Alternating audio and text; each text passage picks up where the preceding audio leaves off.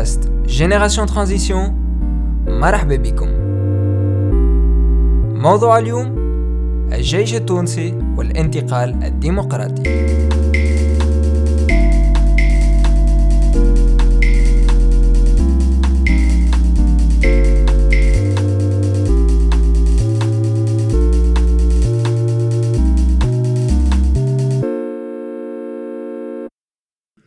مرحبا بكم الناس الكل المحاضرة الخامسة لجينيراسيون ترانزيسيون جيل الانتقال اليوم نتشرفوا بحضور دونك ان كونفيرونسي تري انتريسون ان كونفيرونسي دونفيرغور دونك مون جينيرال توفيق ديدي دونك جينيرال على روتريت اي اكtuellement professeur euh, استاذ à l'école européenne à l'université européenne donc professeur de sciences politiques جينيراسيون ترانزيسيون تعرفوها معناها هذا سانكيام بودكاست تري فيت نعاود لكم الكونسيبت إحنا نحبوا الديمقراطيه في تونس تنجح وبالنسبه لنا الديمقراطيه هذه باش تنجم تنجح يلزم الناس تكون عندها فكره على مواضيع المتناوله في النقاش في النقاشات العموميه باش من بعد كي يجي يصوت الفرد يعرف شو يصوت يعرف كي يجي يتناقش في موضوع يفهم الموضوع هذاك كيفاش نساهموا إحنا في النقاشات هذه إحنا كل جمعه كل أسبوع نجيبوا خبير أو أستاذ جامعي أو إنسان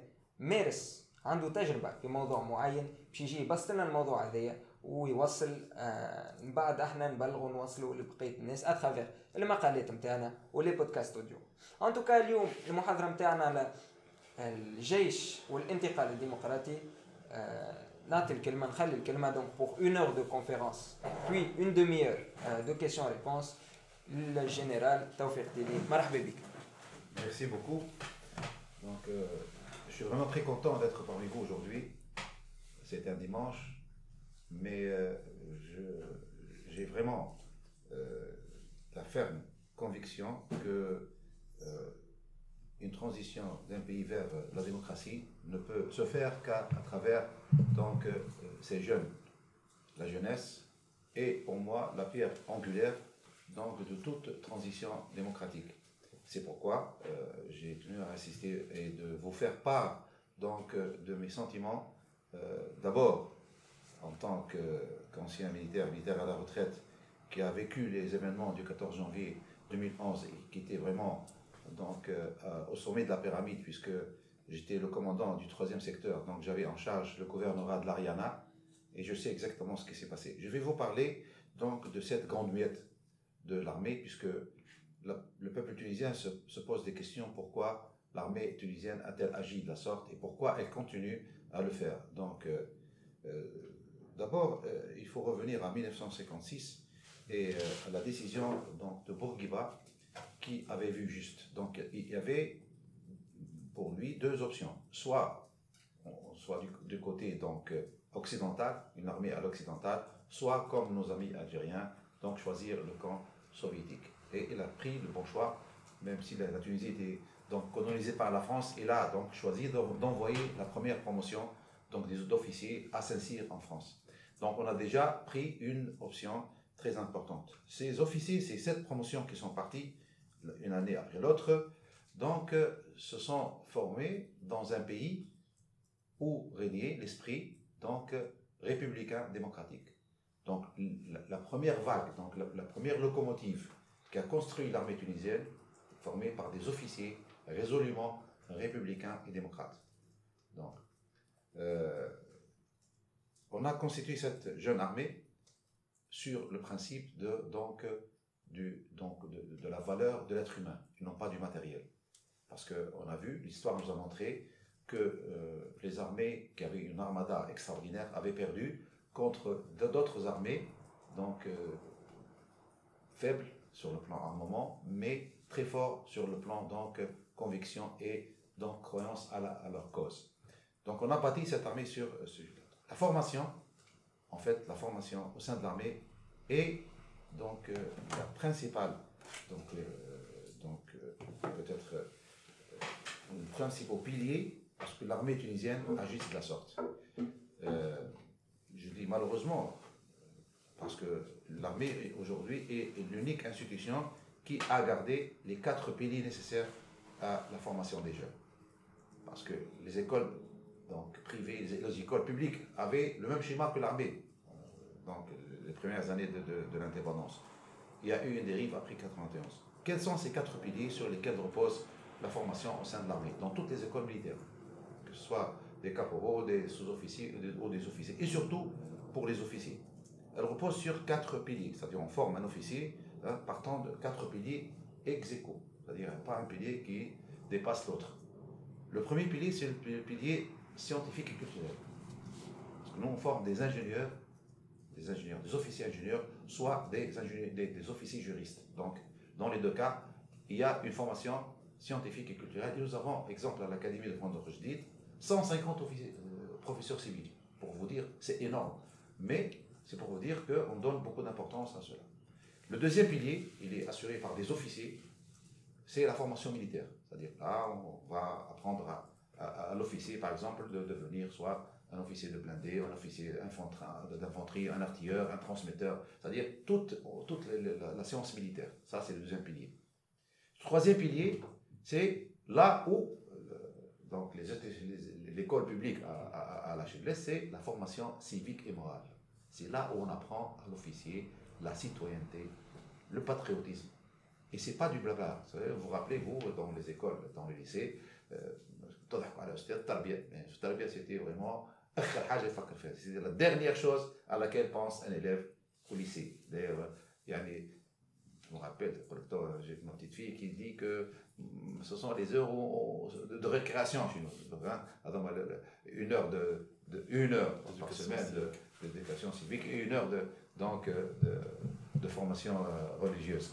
Euh, de vous voyez que de quoi Alors que pour l'armée, donc il n'y a pas de formation religieuse du tout, puisque l'armée donc est une armée qui donne toute la liberté de culte et, le culte ça doit se faire en dehors des casernes, en dehors des écoles militaires. Donc c'est quelque chose de privé, trop cher. Donc le quatrième, c'est l'éducation physique et sportive. Euh, titre de, pour vous dire que c'est sérieux, euh, dernière rencontre entre l'Académie militaire et la fac de lettres de Tunis s'est soldée par 11-0. Pour vous dire que ceux-là font vraiment du sport, alors que au sein de l'université tunisienne, on ne fait plus de sport, malheureusement. On ne fait plus de sport du tout, alors du tout. Hein. Ce n'était pas le cas avant, c'était beaucoup mieux que ça. Donc c'est cette formation qui donne à cet officier donc cet euh, esprit patriote et citoyen. Et on fait comprendre à l'officier qu'on est tous apolitiques, puisque nous sommes centrés sur notre mission. Quelle est la, mission donc qu'on inculque à, nos militaires et à nos officiers surtout? Donc elle est de, également sur quatre points. Le premier point, c'est défendre le pays. Défendre le pays contre toute agression extérieure ou intérieure. C'est-à-dire si une force politique ou un groupe terroriste ou n'importe qui veut attaquer, s'attaquer donc à l'intégrité de, la Tunisie, de l'extérieur ou de l'intérieur, l'armée intervient. Ça, c'est. Là, on n'a pas besoin, on besoin de personne. Ça, c'est l'armée qui, qui le fait de façon automatique. Pour vous donner des chiffres, des milliers de jeunes militaires sont sur le 1000 km de frontière qui nous sépare de l'Algérie et sur les 480 km donc sur la frontière libyenne. Et ils sont là, euh, même pas un arbre pour les protéger du soleil, à 47 degrés à l'ombre les trois mois d'été, et ils sont là donc, à défendre le pays. il y a des relèves, c'est sûr, mais pour vous dire que c'est vraiment dur. La moyenne, la moyenne de, de l'armée tunisienne actuellement, on passe une nuit sur trois sur terrain, pour toute l'armée. La moyenne, je veux dire. Il y, a, plus. Mais la moyenne, ce sont des jeunes qui travaillent pratiquement une année et demie pendant. Si on comptabilise, on fait des comptes, les militaires travaillent une année et demie en une année. Donc, ils travaillent sans contrepartie, bien sûr. Il n'y a pas d'heures supplémentaires. Ok, bon, ça c'est le deuxième pilier. Troisième pilier, oh, deuxième plutôt, je m'excuse, deuxième point euh, donc, euh, qui compose la mission des forces armées, c'est donc euh, intervenir ou participer à donc, maintenir l'ordre public Là, ce n'est pas l'armée qui le fait de façon spontanée. On n'intervient que lorsqu'on nous demande, on nous demande que les forces de l'ordre sont submergées, ils ne peuvent plus contenir donc la situation, l'armée intervient en deuxième ligne, mais pas pour aller donc contre les manifestants. Ce n'est pas pour interférer dans ce qui se passe. C'est la mission, elle est claire, c'est aller protéger les points sensibles. Qu'est-ce que ça veut dire les points sensibles? Ça veut dire donc euh, tout ce qui euh, donc euh, consacre donc le pouvoir les, les, ministères, les gouvernorats, donc tout ce qui représente l'État tunisien, l'État. Vous savez que l'État, il y a deux États. Il y a l'État élu et l'État administratif. Donc. Et là, on protège les deux. On, protège également les acquis de la nation. Tout ce qui est donc, zone industrielle, grande surface.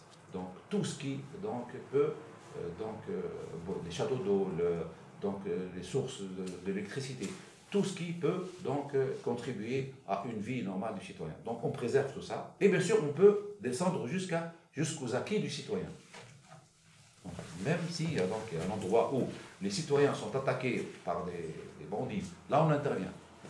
On fait une sorte un peu la, la police. Donc le deuxième point, mais là, c'est subtil. On n'intervient pas de notre propre chef. C'est-à-dire qu'on attend qu'on nous demande d'intervenir. Qui nous demande C'est le ministère de l'Intérieur.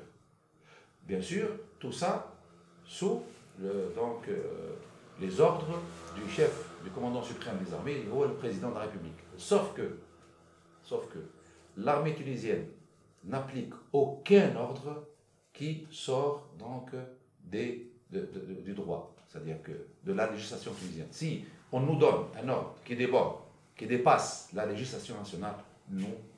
Si par exemple on nous demande d'aller euh, aujourd'hui euh, donc à, à, Metlaoui et tirer sur la foule, ou, débarrasser donc les, sites de... Non, c'est pas notre boulot. Ce n'est pas, ce n'est pas notre boulot. Si on nous demande d'aller donc euh, protéger par, par les armes les, sites du pétrole, on ne le fera pas. Parce que ce n'est pas dans notre... Donc la législation ne le permet pas. Nous obéissons donc à une constitution, on a obéi à la constitution de 1959, aujourd'hui on obéit à la constitution de 2014. L'article 18 de cette constitution est très clair. Pour nous, la mission, elle est claire. Troisième euh, donc, euh, euh, point de notre mission, c'est vraiment soutenir l'effort de développement du pays. Vous savez que l'armée détient ou, donc travaille dans un tiers de la République où il n'y a personne. Le, tiers sud, la ligne Borma et tout ce triangle-là, il n'y a pas, il n'y a ni civil, ni force de l'ordre, ni, ni, l'État. L'État n'est pas là. La, seule composante qui existe sur la ligne Borma, c'est l'armée. Et là, il y a des villages, il y a des habitants, il y a un grand désert, il y a des touristes, une moyenne de 6000 touristes malheureusement qui viennent profiter de notre de l'autre donc des sables dans nos dunes, alors que nous, on ne le fait pas. Donc, ils viennent de Suisse, d'Allemagne, je sais pas, des, des tout ce que vous voulez. Et ce tiers-là, il n'y a personne parce que c'est dur, parce que c'est chaud, parce que c'est très froid l'hiver, c'est très, très chaud et qu'il n'y a pas de route. Donc, il n'y a que l'armée qui est là. Et on a essayé de faire quelque chose pour donc euh, euh, changer le désert. On a, on a édifié donc la zone euh, donc Fawar, la zone Jimatouk, c'est devenu espèce de paradis aujourd'hui. Donc, euh, c'est vraiment des palmiers qui sont devenus donc, euh, très productifs et sur une zone, donc c'est en plein désert. Et Bojrad également, euh, on est en train donc d'édifier, d'aider à édifier des zones touristiques comme Garagouflige. Donc, l'armée intervient également pour faire des routes là où les civils ne peuvent pas le faire. La route qui sépare, qui traverse Château-Jalid de Botambo, de Tozer à c'est l'armée, parce que c'est vraiment dur, c'est quelque chose. Donc il faut des engins, il faut, c'est du sel, c'est très chaud. Donc l'armée euh, intervient pour faire des routes là où les civils ne peuvent pas aller. Ou, euh, donc, euh, vous savez que l'armée, aujourd'hui, a en charge quelque chose comme 850 000 hectares de terre qu'on est en train de cultiver. Et donc le, produit revient aux soldats, aux casernes. Nous élevons des moutons, des vaches, on fait donc des arbres fruitiers, dans des zones délaissées par les colons, mais qui sont donc pris en charge par les militaires et ça donne une excellente production. Ce n'est pas comme les, les OTD ou Arabes Daoulé qui sont dans un état, pour, vous dire, parce que nous là, si on ne travaille pas, on est puni. Donc la punition existe toujours au sein de l'armée euh, et elle est pour quelque chose donc, de, donc de, ce sérieux que vous voyez. En fait, c'est une application de la loi. Donc, ce sont les quatre missions. Donc, lorsqu'il y a eu le 14 janvier 2011, les choses étaient claires pour nous. D'abord, on, voit y venir. Vous savez que l'armée ne, ne, fonctionne pas euh, comme le font certaines administrations, au, jour, au jour le jour. On ne peut pas fonctionner. L'armée travaille dans ce qu'on appelle l'anticipation des crises. On est, c'est-à-dire que les états-majors à froid, les états-majors des, trois armées, travaillent pour anticiper s'il y a des crises. C'est-à-dire, le jour où il y a une crise quelconque, je sais pas, des inondations, un séisme, des, donc, euh, des troubles de, de, genre qu'on a vécu le 14 janvier, il faut qu'on soit prêt. Et on était prêt puisque, à partir de 2004, on a vu que la Tunisie était en train de sombrer. On a vu ce qui s'est passé. On a vu ce que faisaient les familles du, président, de son épouse. On voyait donc euh, toutes ces dérives, on les voyait. Et on savait qu'un jour ou l'autre, donc ça va finir. Ça va finir par euh, une, implosion. Et c'est ce qui s'est passé. Et le jour où c'est passé, nous étions prêts. Chacun connaissait sa zone, chacun connaissait sa mission. Et c'est ce qui nous a permis en quelques heures donc d'empêcher que l'État tombe. Parce que si un État tombe, c'est vraiment très difficile de se relever. La Somalie a sombré, c'est toujours un pays failli. La Libye sera toujours un, pays, un État failli, parce que lorsque l'État tombe, c'est vraiment du miracle si se relève un autre jour. Et je vais vous dire pourquoi tout à l'heure. Donc, euh, l'armée tunisienne a fait de telle sorte pour euh, empêcher que la Tunisie sombre, et nous avons réussi. Nous avons réussi malgré toutes les difficultés. D'abord, l'abnégation. le militaire, euh, il a, non, comme j'ai dit, de par sa formation, beaucoup de patriotisme. Et donc, nous fait l'abnégation. Ça veut dire que on oublie nos familles, on oublie euh, donc, euh, les, délices de la vie. Moi, j'ai passé huit mois sans voir, bon, j'ai vu mon épouse une fois, en fait. J'avais tellement envie de couscous qu'elle m'a apporté un plat de couscous à la ruina. Donc, euh, elle était enceinte et je ne l'ai pas vue qu'une seule fois pendant huit mois. Donc, vous voyez ce que, que c'est vraiment dur. Et ce n'est pas mon cas, c'est le cas de tous les militaires qui étaient avec moi. Donc, euh, et euh, comme un malheur n'arrive pas tout seul, il a fallu que la Libye, la Libye tombe et qu'on a un flux de 1,5 million et demi donc de, de, déplacés qui viennent en Tunisie, de toute nationalité, qui fuient la Libye, la guerre en Libye, qui rentrent en Tunisie. Et on a dû construire quatre camps donc, de réfugiés au sud, et avec l'aide de l'UNCHR, on a pu donc canaliser tout, tout ce flux donc, humain et qu'on a redirigé donc, tous ces gens vers leur pays, vers l'Égypte ou vers les pays africains. Donc, et, ces camps donc, sont restés plus qu'une année, parce qu'il y a des, des Africains qui ne voulaient plus partir. Donc, un, travail énorme, un travail énorme. Et en même temps, on nous a demandé d'assurer le baccalauréat. Donc, euh, des, formations dans tous les lycées pour assurer, en 2011, parce que c'était vraiment euh, une instabilité totale, on a assuré les examens. On a préservé les récoltes, parce qu'il y avait des bandits qui voulaient incendier les récoltes et, ou donc faire du raquettage, des raquettes pour ou brûler les récoltes ou ils soient payés. Euh, on a dû également vous vous rappelez de ça, organiser les premières donc, euh, élections libres en Tunisie. Euh, c'était vraiment très difficile parce que ça a demandé un grand effectif. Alors que nous, nous avons des missions permanentes tout le temps. Donc c'était vraiment un fardeau très difficile. Donc des milliers de soldats qui sont un peu partout dans les 4000 donc, bureaux de, vote en Tunisie. C'était vraiment lourd. Mais euh, l'armée est restée donc sobre, elle a résisté, même si on est un petit peu fatigué. Et c'est grâce à ces deux mots magiques qui sont donc euh, le patriotisme et la citoyenneté. Euh, là, j'ouvre une parenthèse. Euh, j'ai assisté à, à l'Université européenne de Tunis, là où j'enseigne, à une conférence extraordinaire. Vous savez, on a fait venir le, le, ministre de la citoyenneté du Québec. Et ce sont, vous voyez, le ministre de la citoyenneté. Ces gens-là sont tellement conscients de l'importance de la citoyenneté qu'ils ont un ministre. D'ailleurs, le, plus, important des ministres. Et pendant une semaine, ils, ont fait un diagnostic en Tunisie. Et lors de, la conférence, il a, prononcé une phrase qui a fâché toute l'assistance. Parce qu'il y avait beaucoup d'hommes politiques dans la salle. moi, ça m'a fait rigoler parce que ce qu'il avait dit était totalement vrai. Mais ils n'ont pas cette habitude de mentir. Ils disent les choses comme ils les voient. Donc, au bout d'une semaine, ils ont fait le diagnostic en Tunisie et il a prononcé cette phrase-là. Il a dit euh, théoriquement, vous avez les plus belles lois du monde. Ils ont étudié la constitution, les lois tunisiennes, c'est extraordinaire. Mais vous avez oublié l'essentiel. C'était quoi l'essentiel? Il a dit vous avez oublié d'éduquer votre peuple. Autrement dit, votre peuple n'est pas éduqué. Donc ça fait râler les, les politiques qui étaient présents. Mais en fait, il avait raison. Et il a parlé scientifiquement. Il a dit que ce n'est pas une honte, ce que je dis, puisque nous avons mis trois siècles à éduquer le peuple québécois. Ils ont mis trois siècles pour arriver à ce stade donc, où vraiment euh, on peut, parler d'une citoyenneté exemplaire au Québec. Donc vous, vous devez être conscient de, donc, de ce volet-là. Et là, j'entends donc la deuxième partie de, de, de ma conférence, le diagnostic de cette transition donc difficile en Tunisie. D'abord, euh, je, dois vous, avouer que moi, je ne suis pas très inquiet parce que euh, en, se référant à l'histoire, ce qui se passe en Tunisie est vraiment bénin. C'est rien par rapport, lorsqu'on regarde les autres révolutions, l'histoire humaine, ça se solde toujours par des, des, périodes donc, de sang, d'instabilité.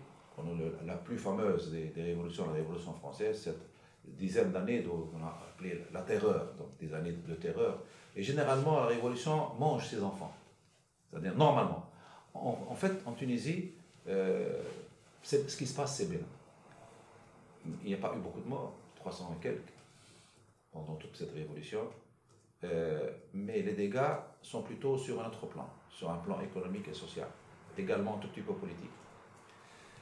Euh, le peuple tunisien est une mosaïque de peuples, en fait. Et lorsqu'on regarde l'histoire, on voit qu'on a acquis avec le temps un, certain caractère paisible. C'est-à-dire que c'est n'est pas une nation belliqueuse, ce n'est pas une nation euh, guerrière comme le Vietnam par exemple. C'est-à-dire, la preuve, c'est que notre pays a été conquis par toutes les civilisations possibles et imaginables. Donc, euh, on a été conquis par euh, les Carthaginois, les Romains, les Byzantins, les Arabes, les Espagnols, les Français, les, donc même ceux qui, qui, sont venus de très loin, donc les Vandales. Ça veut dire que nous ne sommes pas un peuple vraiment résistant, donc belliqueux. Non, et c'est que ça explique ça, ça continue, hein, ça explique un peu donc cette, cette ère apaisée de, quand même.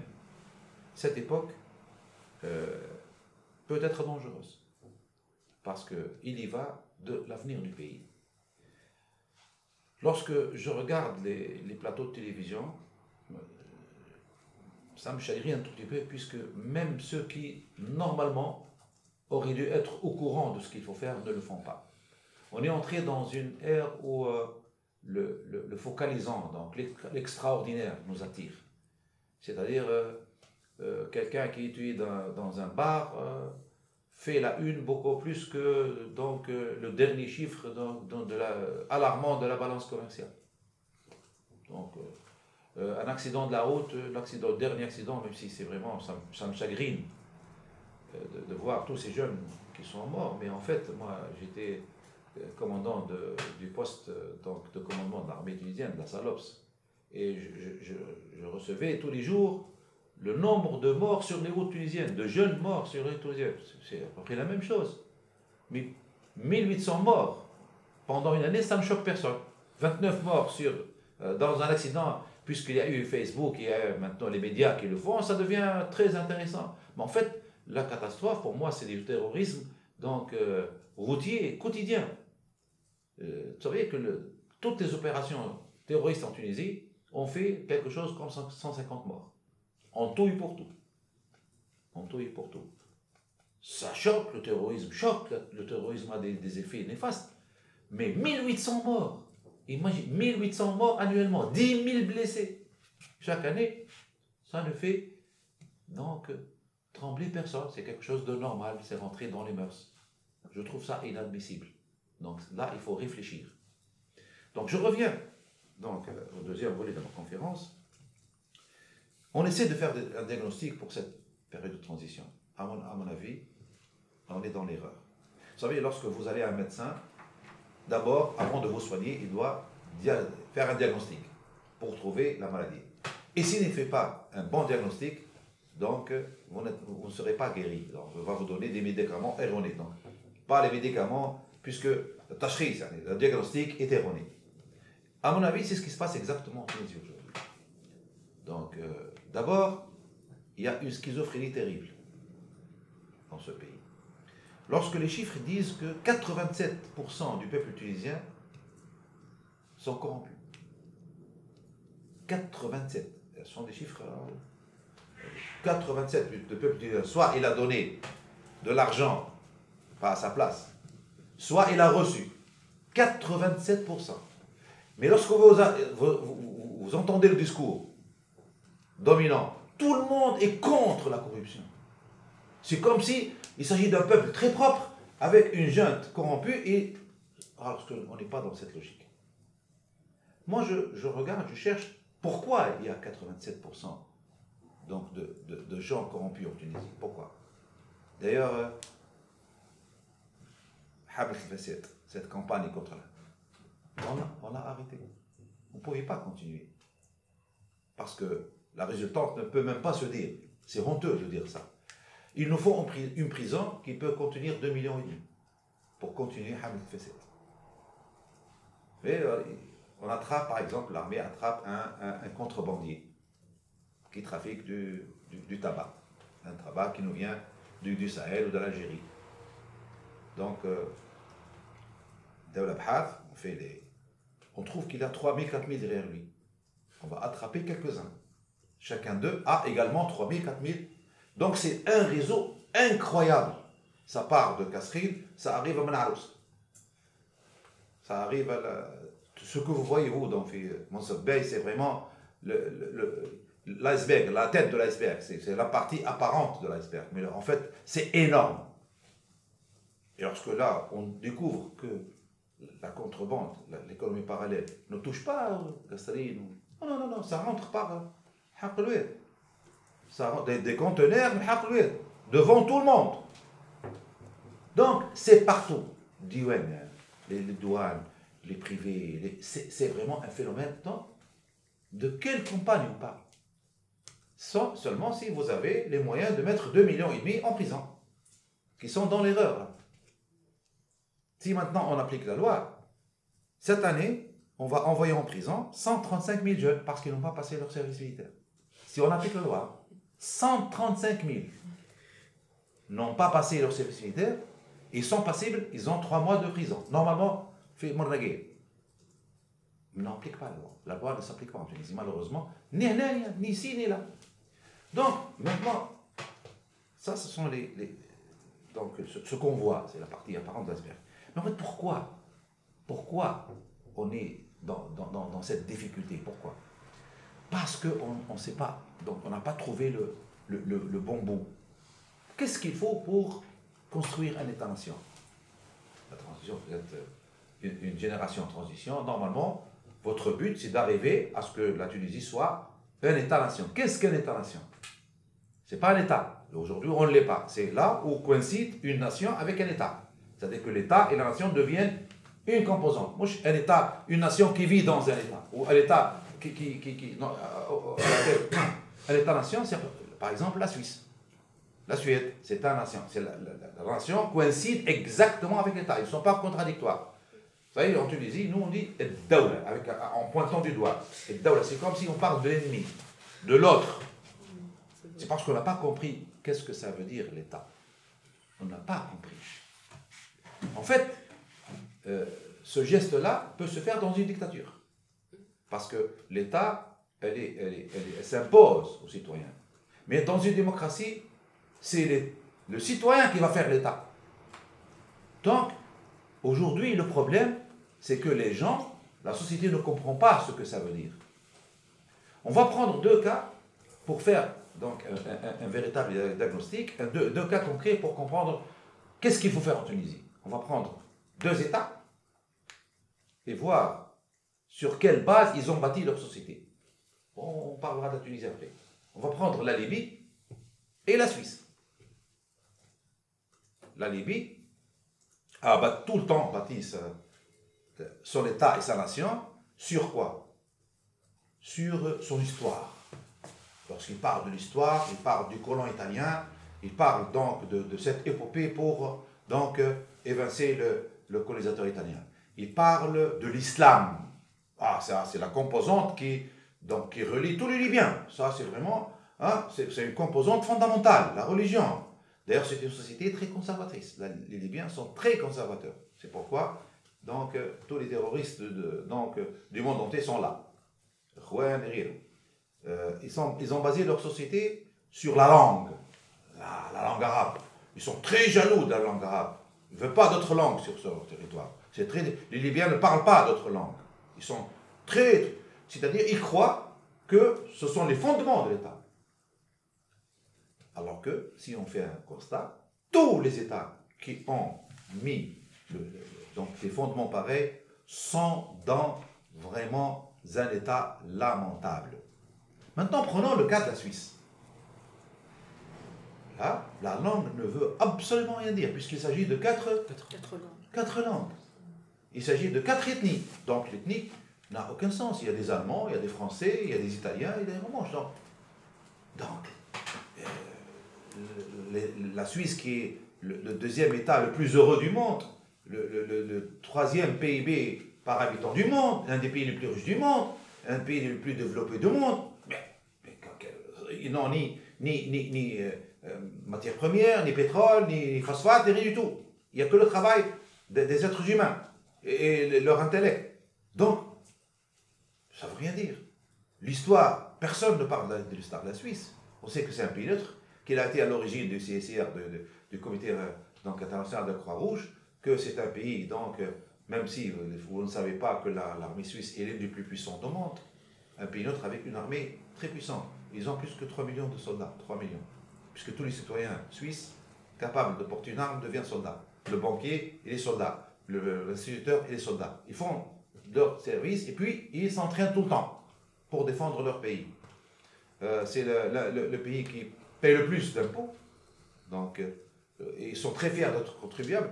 Donc, nom de Dieu, sur quoi ils ont bâti leur, euh, leur société? Eh bien, ce sont des gens qui connaissent la science.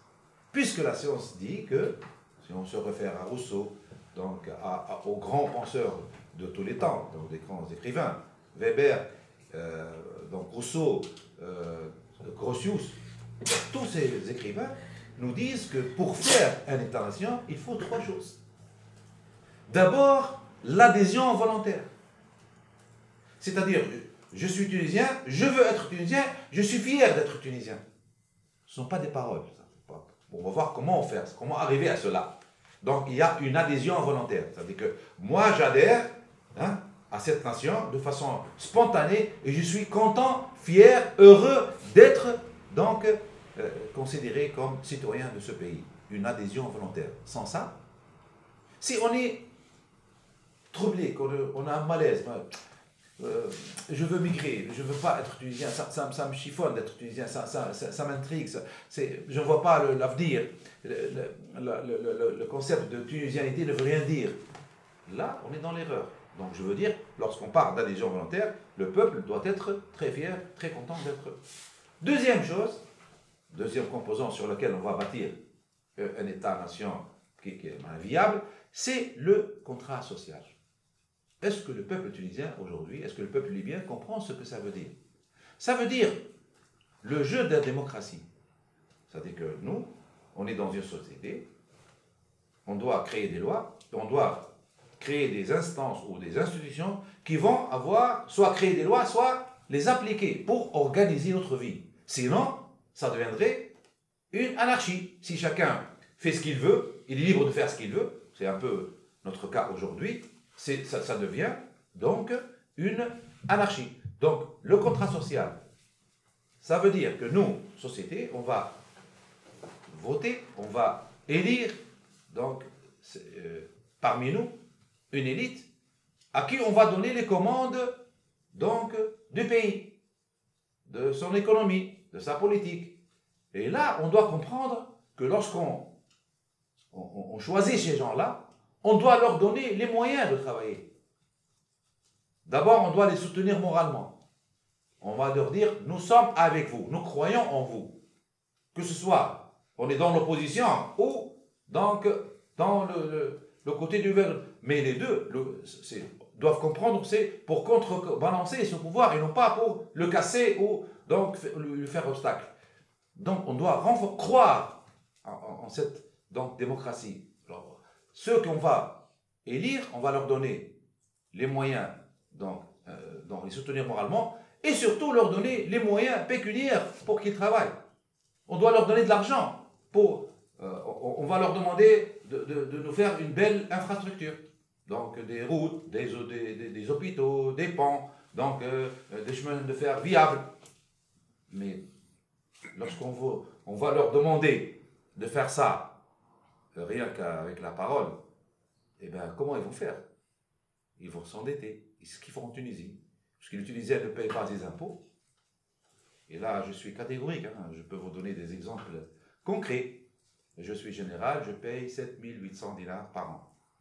J'ai 8 médecins dans la famille, euh, dont deux d'entre eux qui sont très riches, des spécialistes qui, euh, lorsque je, rends visite à, mes cousins, ils, reçoivent ma mensualité trois fois par jour. C'est-à-dire que par jour, ils font une rentrée d'argent équivalente à trois fois mon salaire mensuel, par jour. Et combien ce monsieur a payé? Moi, j'ai payé 7800, il a payé 1850 dinars par an.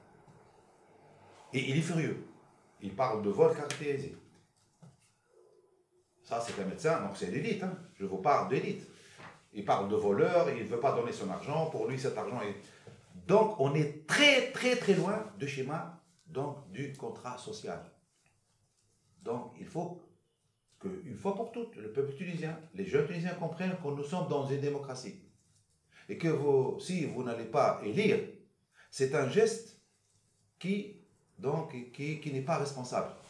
Parce que dans un jeu de démocratie, vous devez aller choisir la, personne qui va, le délégué qui va vous représenter à la paix, et bien sûr donner à ces gens-là les moyens de travailler. Or, nous sommes très très loin de ce schéma. Troisième chose, cet État, cet État, ce citoyen doivent penser à ce que l'intérêt de l'État ne soit pas contradictoire à l'intérêt du citoyen. Il faut qu'il soit parallèle. C'est-à-dire, chaque chose que l'État doit faire, chaque chose que le citoyen doit faire, ils doivent tous les deux avoir dans l'esprit que les, les, les, intérêts, l'intérêt est donc parallèle, ils n'ont pas contradictoire. Ce n'est pas le cas ce qui se passe C'est comme si l'État au Tunisie, c'est l'ennemi. Et que l'intérêt du citoyen, donc c'est tout à fait à l'inverse donc, de l'intérêt de l'État. L'intérêt général. Lorsqu'on parle d'intérêt général, donc là, l'intérêt individuel doit s'éclipser. Sinon, il n'y a pas de société, il n'y a pas de démocratie. Donc, c'est ces trois choses-là qui vont faire donc une intervention. Mais vous allez me dire maintenant, comment faire? Comment faire pour arriver là? Ben, Les exemples sont très nombreux. 1963, la Corée du Sud avait un PIB par habitant inférieur à celui du Sénégal. Bien sûr, à celui de la Tunisie. Ils étaient à 80 dollars par personne. Aujourd'hui, c'est la neuvième puissance au monde. Comment ils ont fait? Ils ont exactement fait ce que je vous dis là. En 1963, il y avait un général, donc le même départ que chez nous en 87, qui a pris pouvoir, c'est le général Park. Il a pris pouvoir pour une période bien déterminée. C'était pas dans l'esprit donc euh, d'un coup d'État militaire. Non, non, non, non, pas du tout. C'est loin de là. Mais il avait une vision correcte de ce que je vous dis exactement maintenant, de, de comment faire pour bâtir un État-nation. Qu'est-ce qu'il a fait? Il a commencé par l'éducation, tout comme Bourguiba. Donc, il a mis dans les, donc, euh, les programmes d'éducation ce que je vous dis là, la citoyenneté, le patriotisme, aimer le pays. Donc, les jeunes, déjà de très bas âge, comprenaient ce que ça veut dire la démocratie, comprenaient ce que ça veut dire donc l'État-nation.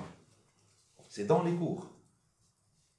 Si maintenant je prends le cas, c'est toujours une parenthèse, lorsque j'étais à l'école, il y avait cette logique-là. Lorsque j'ouvrais le, bouquin, la première leçon donc, du primaire, c'était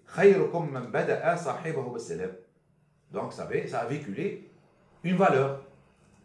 Aujourd'hui, vous ouvrez le livre du primaire, et alors, qu'est-ce que ça veut dire?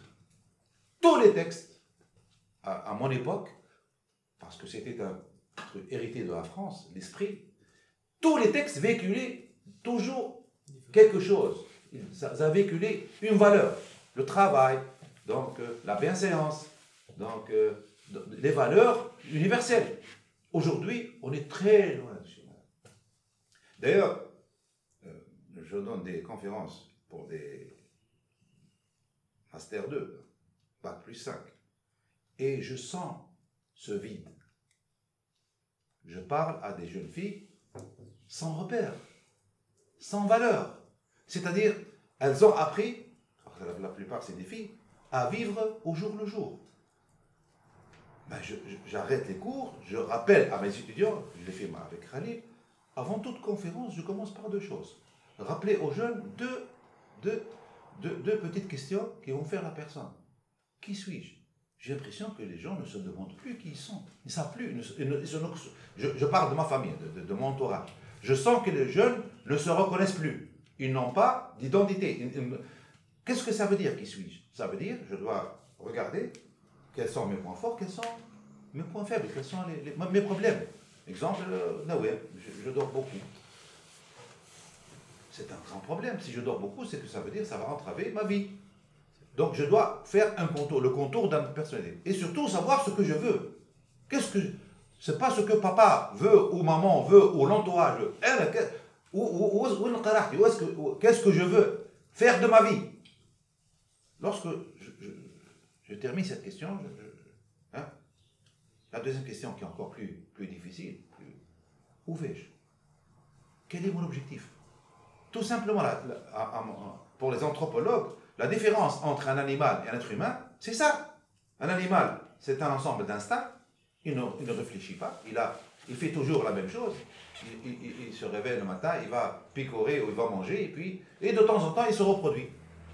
Il n'a pas de projet. L'animal n'a pas de projet. Alors que l'être humain doit, obligatoirement, avoir un projet final. Euh, là où il va, une vocation. Là où, qu'est-ce qu'il veut faire de sa vie? Or, malheureusement, je ne parle pas de vous, j'espère que vous n'êtes pas dans ce cas-là, mais dans l'entourage, dans mon entourage, les étudiants, il y a une absence terrible de cela. Lorsque je demande à un étudiant, étudiant au grand master, qu'est-ce que. Il n'a, déjà, il est à quelques mois donc, euh, de, son diplôme, mais il n'a aucune idée de ce qu'il fait.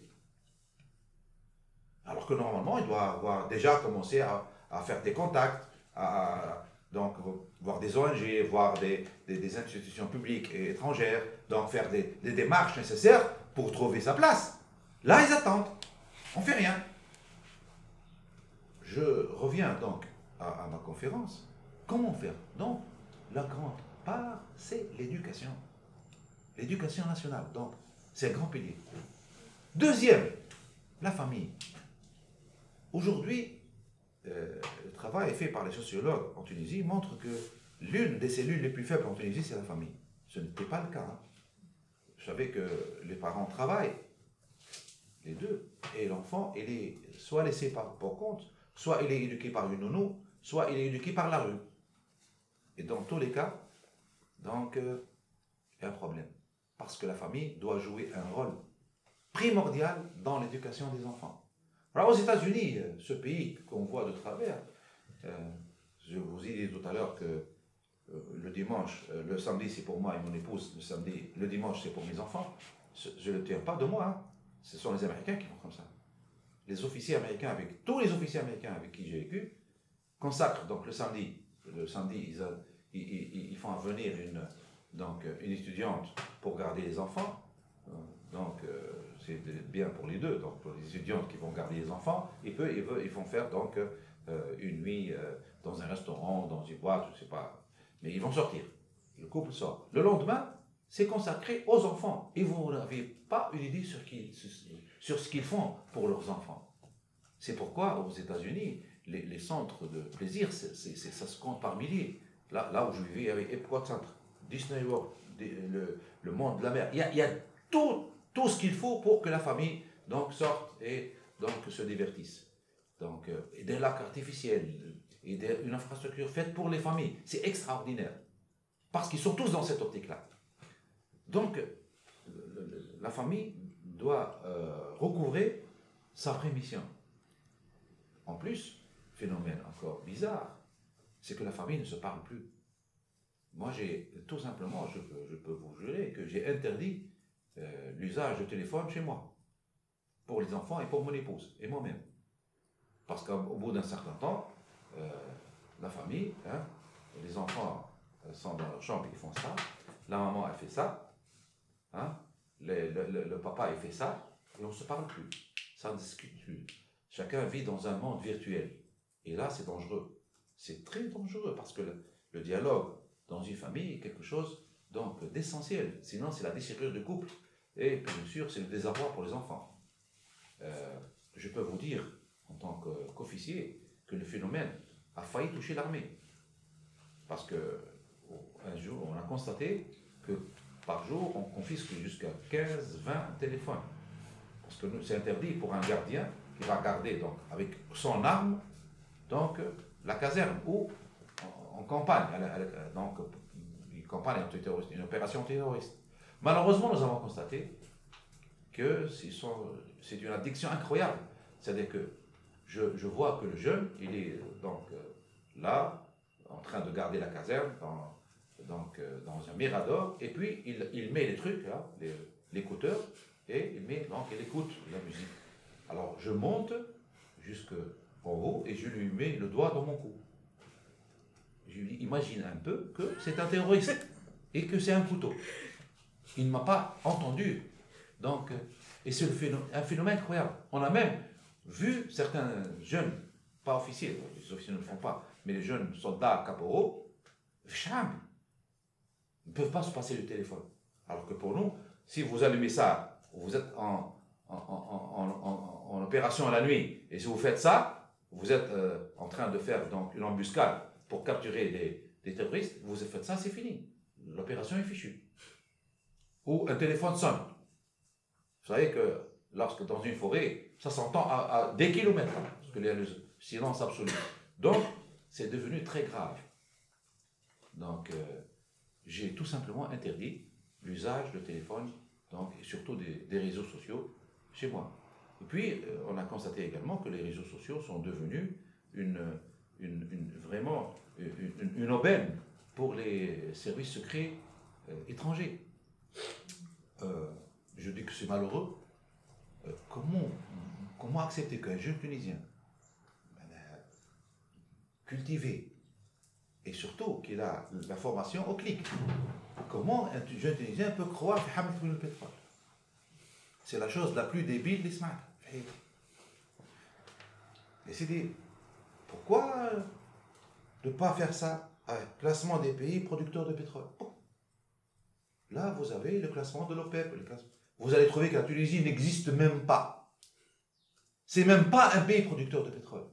Et si la Tunisie est un pays producteur de pétrole, que font Shell, Total, Oil Libya, Star Qu'est-ce qu'ils font ici? Vous savez que si ces gens-là arrêtent l'arrivée d'essence en Tunisie, 60% des usines et des véhicules s'arrêteraient en Tunisie.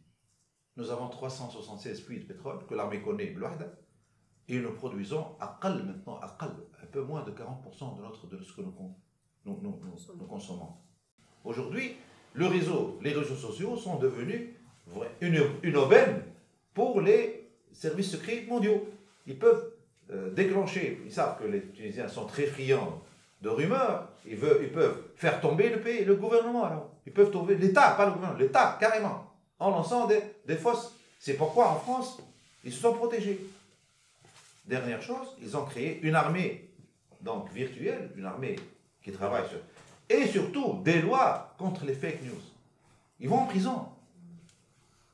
Là, non, nous, on, est donc au friand, tout ça. Bon, euh, je ferme la parenthèse. Donc, la formation, dans les écoles, l'école publique. Donc il doit y avoir des réformes sérieuses de l'éducation nationale pour effectivement arriver à ce schéma de l'État-nation, adhésion volontaire, contrat social, intérêt du citoyen et intérêt, et intérêt du, donc, de l'État, et surtout, surtout, surtout, surtout, la famille qui doit...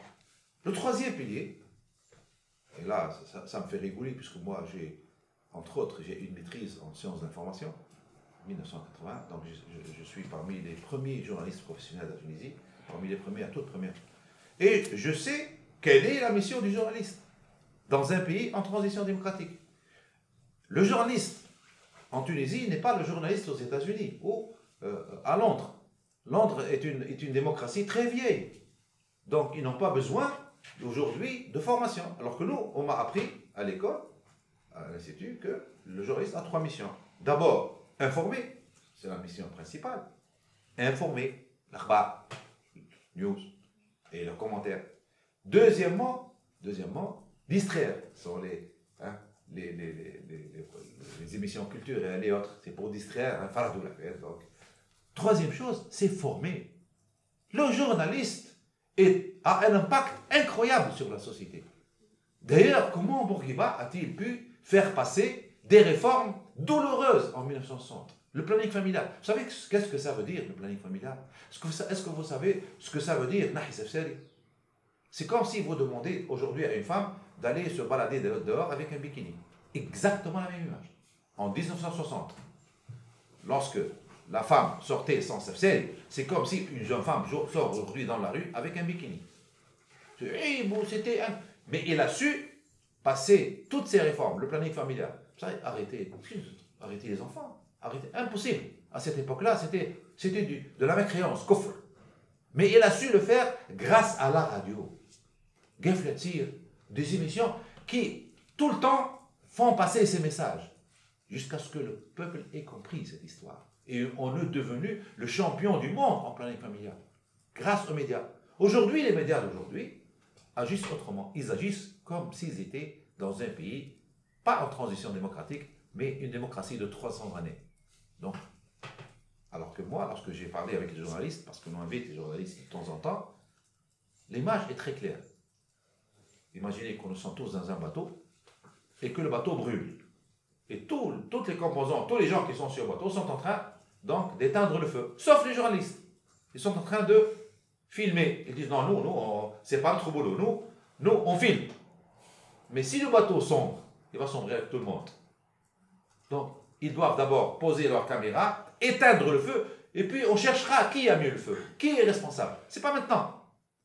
Maintenant, on cherche, et croyez-moi, je suis journaliste professionnel, et je vous dis que les médias en Tunisie, ils, ont, ils sont dans une logique péculière. tout ce que vous voyez là, donc le buzz, le mot le buzz, c'est uniquement fait dans une optique pour gagner de l'argent. Pas autre chose. L'audimat, c'est-à-dire qui va accaparer la 250. Moi, je, je, préfère être écouté. Donc, je préfère écouter une émission avec 250 personnes averties que 2 millions donc, de gens qui sont mreibin, qui sont donc euh, euh, dans les nuages. Donc euh, là, l'école, la famille, les médias sont les trois composants qui vont pouvoir bâtir la Tunisie de demain. Maintenant, autour de tout ça, il reste une autre composante essentielle. Et c'est pourquoi je suis là aujourd'hui. Ce sont, c'est la société civile. C'est vous, tout. Parce que la démission des jeunes, ça veut dire quoi? Ça veut dire que on va avoir une génération donc sous tutelle qui s'est désintéressée. Vous savez que dans tous les pays, dans toutes les démocraties, les partis politiques qui se respectent ont toujours ce qu'on appelle une académie.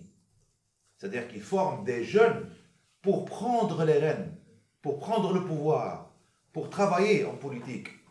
Donc là, ce qu'on voit en Tunisie est très très loin de ce schéma-là. C'est pourquoi une, une, initiative comme la vôtre, moi je la vois d'un très grand... Parce que ça peut être un déclencheur.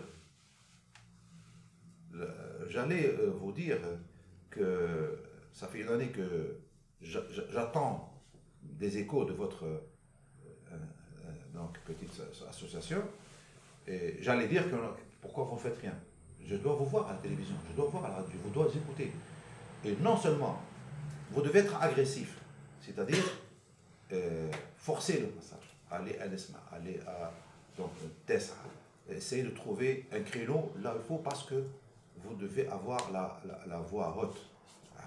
C'est vous qui, vous êtes, qui êtes euh, sur le bon chemin, ce ne sont pas les autres. Donc, celui qui, est convaincu qu'il est sur le bon chemin, donc euh, surtout, l'idée c'est quoi? Transition. Transition. Donc, normalement, ça doit être le souci de tout le monde. Ce que vous voyez aujourd'hui, ce que vous voyez à l'ARP, ça ne doit pas vous intriguer parce que ce que vous voyez à c'est exactement le reflet de la société. C'est nous. ça nous choque. C'est on dirait, mais c'est la réalité. Parce que normalement, un pays a toujours les, gouvernants qu'il mérite. C'est pas moi qui ai dit ça, c'est Donc, ça, ça, Donc, euh, c'est le reflet de la société. Donc, non, non, non, ça c'est nous. Et pour changer ce nous, nous devons changer la base et non pas, le sommet. Nous, on essaie par tous les moyens de changer le sommet alors que ça n'a aucun sens.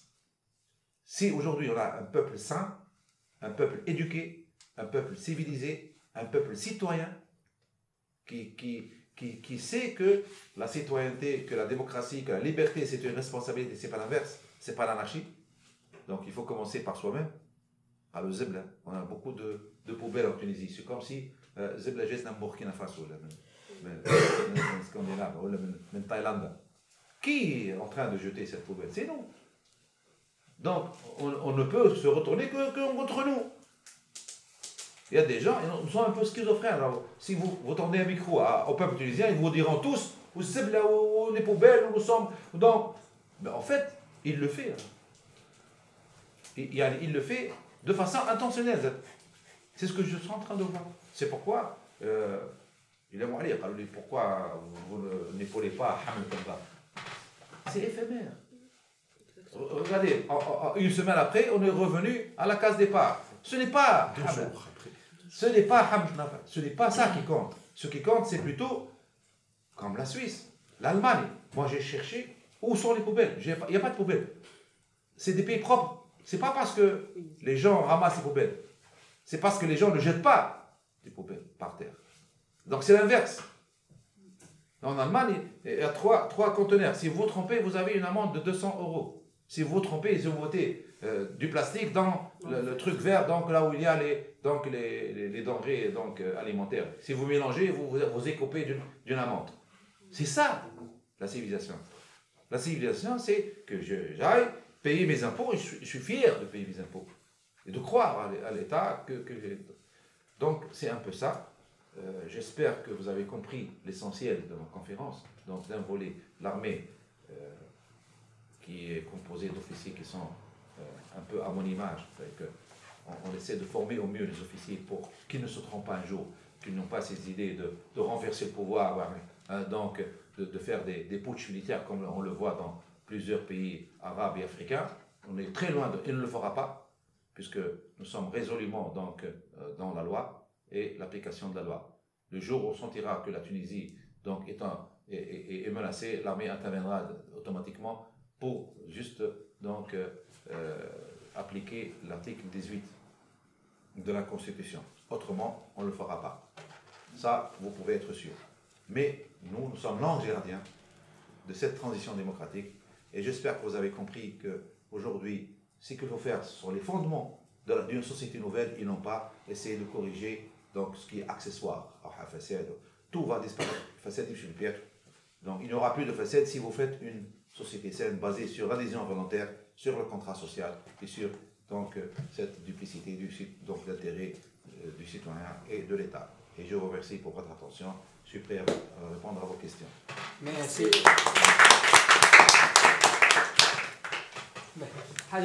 Par rapport aux questions, je, vous demanderai juste de répéter la question pour l'enregistrement euh, une fois qu'elle vous a été posée. Est-ce qu'il y a des, des questions soyez libre de poser toutes les questions, il n'y a pas de tabou pour moi. Donc, vous voyez, je suis officier et je suis professeur. Donc, allez-y.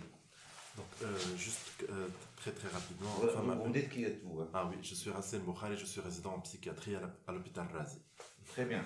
Enchanté. Donc la première, première petite question, juste معلومة نحب نثبت فيها. قلت فما الارتيكل 18 نتاع الدستور يقول اللي أنتم إذا كان الأمر جاي هو مخالف للقانون عندكم الحق باش ما تطبقوش الكور مارسيال تقرر الأمر هذاك مخالف للقانون ولا ولا المأمور بيده يقرر الأمر هذاك؟ اولا. ثانيا على حكاية ليبرتي دي كولت في الجيش أه نحب خاطر سمعنا اللي فما مصليات في الجازرنيت دونك فما معناها اسكو لو كولت سيكزيرس en dehors de l'espace militaire ولا اسكو il peut s'exercer ساعات في تحت سور الجزرنة ثالثا أه فما حكايه صغيره مانيش موافقك عليها على حكايه الارهاب 150 قتل واللي زاكسيدون لا روت 1800 سي فري لي شيفر مي شنو اللي وراه الإرهاب. الارهاب وراه ناس تحب تكسرها الدولة بكلها هي وال 1800 اللي ماتوا والناس الآخرين اللي مازالوا حيين. الوغ كو 1800 هذوك ماتوا بتاتر في طريق آخر. اي بوي اي سورتو ماتوا 150 كهو معناها في جرة الإرهاب على خاطر جوستومون جيش هو من هو اليوم في تونس. به. فما حكاية نتاع التمرد. به. فما أنا ارتيكل هبط a quelques mois في الواشنطن بوست هبطوا ان سيغتان شيران غريفالد. هو بعد طلع عنده شوية ارتباط بحركة النهضة السيد يحكي فيه اللي هو عمل اون ايتود على 62 اوفيسيي نتاع الجيش روتريتي على مشكلة التمرد وسألهم هل أنتم إذا كان يمشيو يقولوا لكم تعملوا حكاية الفلانية مع المحتجين الفلانيين وقت أحكي على حادثة الكامور. تعملوا ولا ما تعملوش. وقت لقى برشا منهم نسبة كبيرة قال نتمردوا. الارتيكل اسمه لماذا تجاهل الجيش؟ الأوامر واصطفى مع المحتجين. لقى لي برشا منهم جوستومون مستعدين يتمردوا دونك نحب نعرف هل الواقع هذه صحيحة ولا وهل صاروا تمردات قبل ولا وهل فما طبيعات الحكاية هذه إيه خلي خلي نجاوبوا خاطر باش بعد كيستيون Vous à la charge. Absolument. Mais c'est très tellement important. نعاودوا لي كيسيون تاع Vous m'avez posé la question. قلت لي علاش دونك على البروسيسوس décisionnel de l'armée en fait. Le final l'armée, c'est vraiment l'une des rares euh, institutions démocratiques en Tunisie. Mm -hmm. euh, Lorsque on nous, on nous donne un, un, ordre donc hors la loi, en fait, qui décide Qui prend la décision? Ce n'est pas une personne. L'armée tunisienne a ce qu'on appelle le CSA, le Comité supérieur des armées. Mm -hmm. Les généraux qui commandent l'armée de terre, l'armée de mer, l'armée de l'air, au fil l'inspecteur général des forces armées, au fil surtout donc, le, donc, le, chef du renseignement de, l'armée tunisienne. Mhm. Ces cinq généraux donc, se, réunissent pour prendre décision. Mais vous devez savoir, mhm. c'est comme si, euh, là on parle, vous êtes simple, lorsque vous, vous allez prendre une, une, grande décision, vous faites un staff, non? Oui. Donc, ce n'est pas un médecin qui va prendre la décision. C'est exactement la même image. Mhm. Comment les généraux euh, prennent des décisions? En fait, ils n'inventent pas. je vous ai dit que l'armée est très bien organisée. Euh, chaque, derrière chaque général se cache un grand nombre de gens comme moi, des généraux rares, donc amis, mhm. des spécialistes dans tous les domaines. C'est ce qu'on appelle un état-major. Donc cet état-major va travailler sur le problème. Mhm. Donc la décision à prendre. Mhm. Et finalement, un travail scientifique, logique, euh, moyennant des outils de réflexion. Moi, je vous hasard, méthode de raisonnement tactique, par exemple. Mhm. Donc, ou l'MPO, donc méthode de planification opérationnelle. Ce sont des méthodes planifiées, utilisées par les, les plus grandes armées. Mhm. Finalement, on va aboutir sur trois options à faire. Donc, option 1, option 2 et option 3. Et on va dresser un tableau pour dire au chef, voici les avantages et les inconvénients de chaque option. Donc, on va mettre le chef devant nous et on va faire toute la synthèse. On va lui dire, tac, option 1, option 2, option 3. Il ne va pas inventer. Lui, il va dire, je prends la 1. Parce qu'il a plus d'expérience que nous, une vision plus grande. Mais il ne va pas inventer une nouvelle décision. Il doit choisir une des trois qui a été travaillée de la base. Donc finalement, il n'y a pas de dérive. La, dérive est impossible. Voilà, vous voyez ce que je veux dire.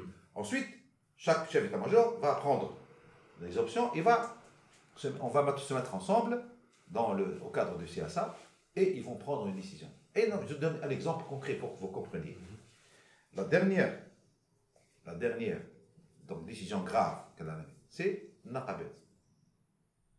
Donc l'armée se devait de réfléchir. On ne va pas dire, oui, on, veut un syndicat au niveau de l'armée, on ne le veut pas. Mhm. Les officiers ont travaillé pour montrer quelles sont les conséquences, les, contre, les avantages, les inconvénients. On a vu que les inconvénients, c'est ça va toucher carrément l'armée, ça va toucher les opérations, ça va toucher la discipline. Donc c'est un travail de fou. Donc lorsque les, les rapports ont été communiqués au chef, la décision était non. Et c'est ce qu'on est allé dire à l'Assemblée de l'Assemblée du peuple. Niet, non. La douane a accepté, la police a accepté la garde nationale et ils le regrettent infiniment. Mhm. Vous savez que dans la police, ils ont un millier de, de policiers qui ne travaillent pas. Justement. Ils sont devenus plus, plus forts que leur chef, ce qui, ce qui entrave. Donc, ça défigure. Vous savez, ce sont des corps qui, ont, qui sont défigurés. C'est la garde nationale. Vous savez que tous les officiers de la police, de la garde nationale, des douanes sont formés à l'académie militaire. Normalement, c'est des militaires. Mais malheureusement, ils ne peuvent rien faire parce qu'ils vont se retrouver dans un cadre maclo. Donc l'armée tunisienne a un grand savant américain. C'est la seule, la seule institution démocratique dans un pays donc, où la dictature règne. Parce que on s'est protégé de l'intérieur. C'est pourquoi c'est D'accord Pour euh, les officiers retraités, un officier retraité redevient un civil. Là, il a le droit de, dire ce qu'il veut. Mais pour le Cameroun, c'est très simple. Lorsque l'étude a été faite, c'est le commandement de l'armée qui a refusé, ce ne sont pas les soldats. Pourquoi? Parce qu'on a constaté qu'ils voulaient nous. Hmm. Donc, allez résoudre vos problèmes. Après, on, fera de telle sorte. Notre mission, c'est quoi? Protéger le site. Le site n'a pas été brûlé, n'a pas été touché. Mais vos problèmes avec les Mahtajin, ce n'est pas l'armée. Donc, Ou là, on tire sur les gens. Alors que nous, nous ferons tout sauf tirer sur la لا لا مش تيري اما الوجود كوم ينجم يكون ديسيوزيف للناس اللي تكسر الشعب Le travail a été fait. On a constaté qu'on a voulu, de façon délibérée, faire intervenir l'armée dans le jeu politique. Alors que l'armée, elle est en dehors de tout ça. Le jour où vous allez décréter, décréter, Paul, Phosphate, mhm. c'est une maintenant société aux mains de l'armée. Là, tout changera. Mhm. Mais maintenant, avec les manifestants, donnez-moi l'outil. Et on, on dira, ah, a d'autres des outils de production. Donnez-moi cet outil et vous allez voir. Mais ما تقحمنيش ما تدخلنيش في اللعبه السياسيه تاعك. هذه لعبه l'armée هي لا سول انستيتيون اللي قاعدة بعيد عن النهضه، النهضه مش تدخل لا النهضه ولا غيرها. ولا هذا شكون ولا هذا شكون حتى حد مش مدخل كيل كو سوا الانفلونس هي دخلت قبل ما ما دخلتش حتى مرة علاش فهمك علاش ما دخلت حتى نهار. لكن فيك راني كنت في أعلى رقم القياده جو نو كونت با بون اياك من الفيسبوك ومن لا مش فيسبوك لا. مركت الساحل والمجموعة الأمنية عم لا لا. اي شنو؟ ما دخلتش ما دخلتش. هل غلط فما ناس. لا ما دخلتش. خاطروا في الجيش لا بلوبار سيتي معنا اصحاب تو سكي زون في سي كو نون با روندو كونت لا سول ايغور اللي عملوها هما لا هاجوا سلاح ولا تأمروا rendu compte. La, seule erreur, les on les a contactés, normalement lorsqu'ils ont su فهم صحابي انا فهم شكون اللي هزوه عندك كعبه كبيره فهمتني عيطوا مجموعه قيادات النهضه المشكل وين لو ميليتير لورسكيل دقدق عليه حد يقول لك يا جماعه تو انا يجيني دقدق عليه حد يقول لي جو دوا تاخذ ان بابي ونقول راهو فلان فلان جو دونك هذاك ils n'ont pas écopé راهو دو غروند بين بين عام 87 الكو ديتا اللي تبرمج من حركه النهضه نهار 8 نوفمبر هذاك اللي يقولوا فما هليكوبتر كامل تفك فيه وفما ناس راهو كانوا في الجيش هما توا منهم شكون برا ومنهم توا شكون في تونس تكلموا في الموضوع هذايا وقالوا اي صحيح إحنا عملنا ودايوغ يقولوا هما حركه النهضه تنكرت لنا ما عطتناش حقنا بعد الثوره منهم شكون اسمه غضباني يظهر لي غضباني قالوا قالوا في العوينه قالوا في العوينه شوف شوف ترى يفو كونيتر سكو سا دير توا السيد اللي في العوينه سي الباروني اللي قالوا عليه شنو؟ باش يعمل هو انقلاب. باش يخرج بدبابات من العوينة اللي هي ما فيهاش دبابات أصلا. راهو السيد دو لا كونيسونس العوينة ا توجور ابريتي لو جي بي ام لا بوليس ميليتير اللي ما عندهاش سلاح جبري عندها كو دي زارم دي فيزي داسو لارمومون في الجيش راهو موجود في لي بريغاد يعني كي تقول بريغاد سي انورم سي فريمون اون كومبوزونت كبيره اون كروند يونيتي فيها لارتيري فيها الدفاعيه فيها السخط كل فما دونك وقت يتكلموا عن كو ديتا بارتير دو لا مينا راهو سي ريديكول وقت تقول لي لا دوزيام بريغاد لا تروازيام بريغاد دو كيروان باش تعمل انقلاب نقول لك ايه سي فري اه وقت العميد تاع قروان باش يعمل انقلاب العراجل ام العوام كيفاش تعمل انقلاب رحمة والديك يقول لك كيفاش تعمل هذايا هذايا هذايا عنده شنو صح ما كل شيء مش طول الصداع هما قال لا مش توس مش قال قال جاب ربي مش توس يا جاب ربي سيدي سيدي سيبوزون غازانا كلها سيبوزون غازانا كلها تنام إيه. دقيقة. الهليكوبتر تفك ولا ما تفكش؟ هو يقول تفك. شنو تفك؟ السيد هذا ياخذ وباين بالي ليك- ولا ليك- ننسى أنا اسمه. كان- ويقول يقول راهو كنا اون الي نوتراليزي القصر وقتها. خويا شوف راهو يف- علاش نلوم أنا نلوم نلوم راهو إنسان كيف يحب يعمل حاجة. هذا مش فيسبوك هذا راهو شوية، هذا مكتوبة سيدي. هذا نص بن سالم يا كتبها. ودي سيدي بلا بلا علاش؟ الهليكوبتر اللي عندنا قبل تو ما نشريو دي هليكوبتر داتاك اللي هو نضربوا في الارهابيين شنو هليكوبتر اللي عندنا في تونس؟ 100% دي هليكوبتر اللي عندنا سون دي هليكوبتر دو ترونسبور يعني عندنا مش نسميهم لك مش مشكلة ما تقلقليش لأنه مش انا صنعناه باعونا الأمريكان. عندنا لو هاشان إيه؟ لو هاشان اللي هو الهليكوبتر طف طف طف عرفتها؟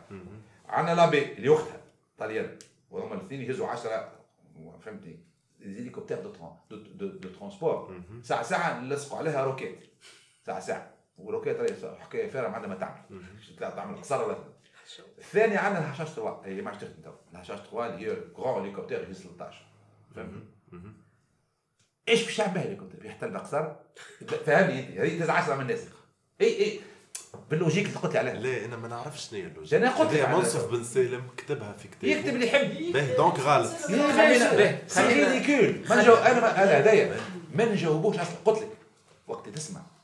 اللي اون بريغاد لواء لواء سي انورم في ان شيف ان ايتا ماجور يقول يقول لك إيه اما راهو اللي قالوه شفت ولا لقيت ضحكني سي غي سي فريمون داخل صح كل شيء في اون ميكونيسونس توتال قلت لك الارمي كان يمشي على الأقل عاد عام. شوف شوية ثبت ثبت شوف. حتى في تاعو نجم هذاك يكونتاكت زوفيسير يدور يعرف. مي اللي ما شافش. راهو يتكلم على حاجات تضحك. اليوم الارهاب قف في تونس. حسب رأيك علاش باسكو اون يو فينالمون لوتي نيسيسير وقت عندك الهليكوبتر يشوف ويرمي يشوف جبل اظلم ويشوف ال- ال- الضوء يتحرك يموت. توا لو تيروريست اللي باش يتحرك يموت. Ils ont compris الحكاية سي pourquoi il bouge plus راهو il faut des outils راهو احنا nous avons sur le plan personnel la meilleure armée du monde اما كنت تقول لي نهار داخل نقول لك وين دخل الحق كي تحب تدخل وما نجمتش تدخل في الداخليه ما نجمتش تدخل الجيش الجيش عنده منظومه نتاع انتداب رهيبه رهيبه يعني pour être recruté au sein de l'armée, c'est vraiment un parcours du combattant. D'abord, ce ne sont pas les hommes qui le font. C'est un ordinateur aveugle. علاش مش محسوبيه في الجيش؟ لأن كيف جينيرو نحب ندخل ودي ما نجمش. ليش؟ لأنه لا كوميسيون فا عندها ان اورديناتور، سيت اورديناتور موجود بارتو عند القيادات الكل تبع. إحنا إحنا مرة موظفين انسبكسيون تبع واستعلامات تبع والشيف هذاك يتبع، الكل تبع. سكي سباس سور سيت اورديناتور. اون لو فوا. دونك دخلوا في المعلومات. جا انت جبت الدبلوم تاعك وزافي سا فوتخاج لي نوت نتاعك دخلت واللجنة اللي دخلت العداد متضادين مش دو ميم كوتي. يعني تلقى فيهم ارمي تير ارمي دلير تلقى فيهم استعلامات الناس كل تعيس على الناس الكل. باش ندخلوا معلومات صحيحة. فينالمون باش تقول له أعطيني 200 اسم باش يخرج لك الاورديناتور 200 نون خرجوا لي 200 نون أنا حاجة 150 يصير ما يسمى بحث أمني. معمق. يعني على ريحة الريحة بتاع الريحة. بعثوك جوين بيقولوا لك nous avons le regret. ما نحشموش بها. التوا حتى طفله ما تدخلش بريمار او دخلوا الشرطه الحرس ما تدخلش ما تدخلش اقل سين سي بور بريزيرفي سيت ارمي Oui. اقل سين دونك لو كولت لو كولت في الجيش كيف يصليوا جوج بعضهم يتعاقبوا يصليوا فقط يشدوهم في البيت صلوا معهم ممنوع صلي وحدك تقول لي بصلي ممنوع سي لا لا ريليجيون سي كيلكو شوز اللي كنتي وحدك والبرا من الجزائر ارمي لايك ويلزم. على خاطر شبيك سامحني. المنطلق من القانون بشوي بشوي بشوي بشوي بشوي كيف يجيني أنا ان جون تونيزيان جويف اللي عنده عنده 2500 عام. نقول له لا. ولا ولا نقول لا. أنت يهودي ما تدخلش. ولا ولا ان جون تونيزيان كريتيان ولا ان جون تونيزيان كي يخوا با دي تو اي شنو نعمل وقت؟ أنا ما نسألوش أنت مسلم ولا أنا عندي كوميسيون تقعد معاه نشوف ليتا ديسبري تاعو فيه دي ميدسان فيهم دايوغ لو بيليي دو تاع لجنه الانتداب هو واحد منكم أنتم. وكلمته تمشي اللاعب لا. لأنه البروفيل بتاعه بعد كمل الامتحانات الكل باش نشوفوه السيد هذايا خاطر اون فا لي دوني اون ارم دونك لا لارمي تونيزيان قاعد سان يصوف من كل التدخل. حاول وتتذكر أنا توا في سيفيل كل نحب. تفكر جيش مش مطلوب. لا اكزاكتومون علاش؟ على خاطر اي با بو ورام حاملوا المحاولات اللي تصورها في بالك الكل. دخلوا ان جون سيرجون باش نعطيك اكزومبل كونكري في الليل جاوني لي سوز اوفيسي اللي باتوا الكبار قالوا لي راهو عندنا حيط مش نورمال خاطر إحنا فورم إيه باش عملنا؟ صرنا لي العسل هذا وتعدى فيزيبل الكل مازال يدخل ايه بقى شدينا لها ما دون ساك الاسبوع الاول شو عمل؟ سربونا ايزون سو بعد جابوا وجه مش معروف كلاس فيرج كل شيء برجل لكن امتحن دخلوا في كلاس صغير بكل راه اي كون ميم شادينا هذا ما دون ساك باسكو تو الموند في خاطر لا سول انستيتيوشن اللي مازال فيها الامر يتكلم مع بالي ويفهم فيهم انت جبت تقويضه قلت لي الارهاب بجديد تونس. نحن نعرفوه من 1920 راهو. ما نجيش نتعصلتوا ونقولوا راهو إحنا ضد الإسلام. لا لا لا لا, لا. هاي سيدي هاي عسكريين باش نعملوا توا. في الاكاديمي ميليتير ولا في دو غير باش نعملوا ان دوسي على الإخوان. نرجعوا 1920 ونشوفوا أدبيات الجماعة هذوما يا ترى العباد هذوما جايين باش ينفعوا ولا باش ينتفعوا؟ آه يا سيدي. ها واش يقول سيد قطب؟ ها كذا كذا. ها ها في مصر أغنى عباد هاو الجماعه هذوما ها في بريطانيا اغنى عباد هذوما دونك جو كوا با كو سو سوا كيستيون ريليجيوس الحكاية هي ولات ايكونوميك دونك نفهموها وين ماشيه نفهموا علاش مستكرشين وعلى اي بوي ما تستاهلش إحنا الارمي عندها لي زوتي بوغ اتر ريفيي ربما واحد فسكو توا مستعلمات فرحني ما نقلقش أنا دخلت الكليه وتذكر لقيت قدامي ان اوفيسيي قالوا لي تحلف كابيتان ثلاثة نجوم وقعت في وسط سي Il peut être un chauffeur de taxi, qui joue au Hamas. Il faut, veiller à ce que la Tunisie, et ça pas dans l'optique, je c'est dans l'optique de préserver et de faire notre mission. Il ne faut pas que l'État tombe. Tu as dit d'être Kibir? Il y a des pays entiers, il y a des pays, mais ça donne cette transition.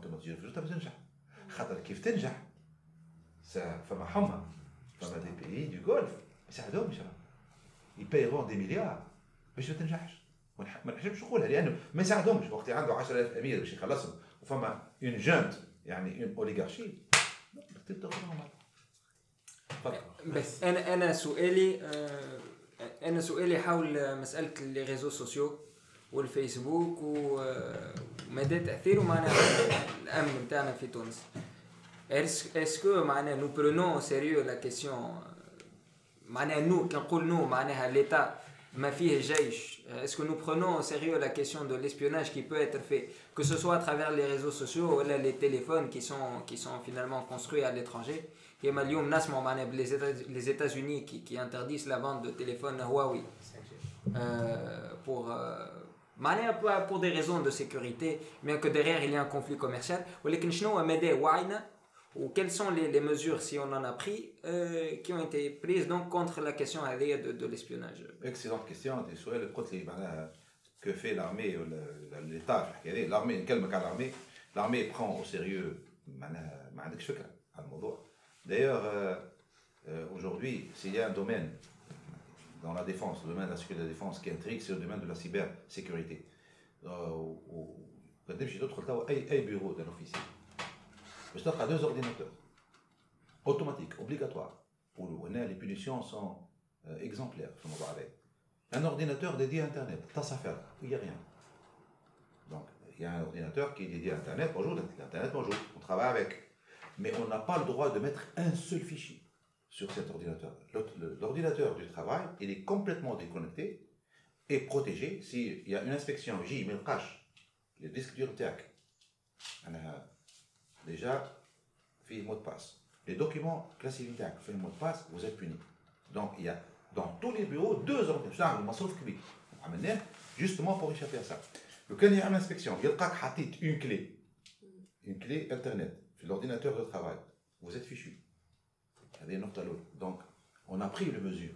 D'ailleurs, nous avons une unité au sein de qui est extrêmement douée. On a envoyé à l'étranger des gens, des jeunes, qui sont revenus pour nous dire qu'est-ce qu'il faut faire. C'est vrai, il y a un phénomène national, qui est les réseaux sociaux, qui commencent vraiment à toucher tout le monde.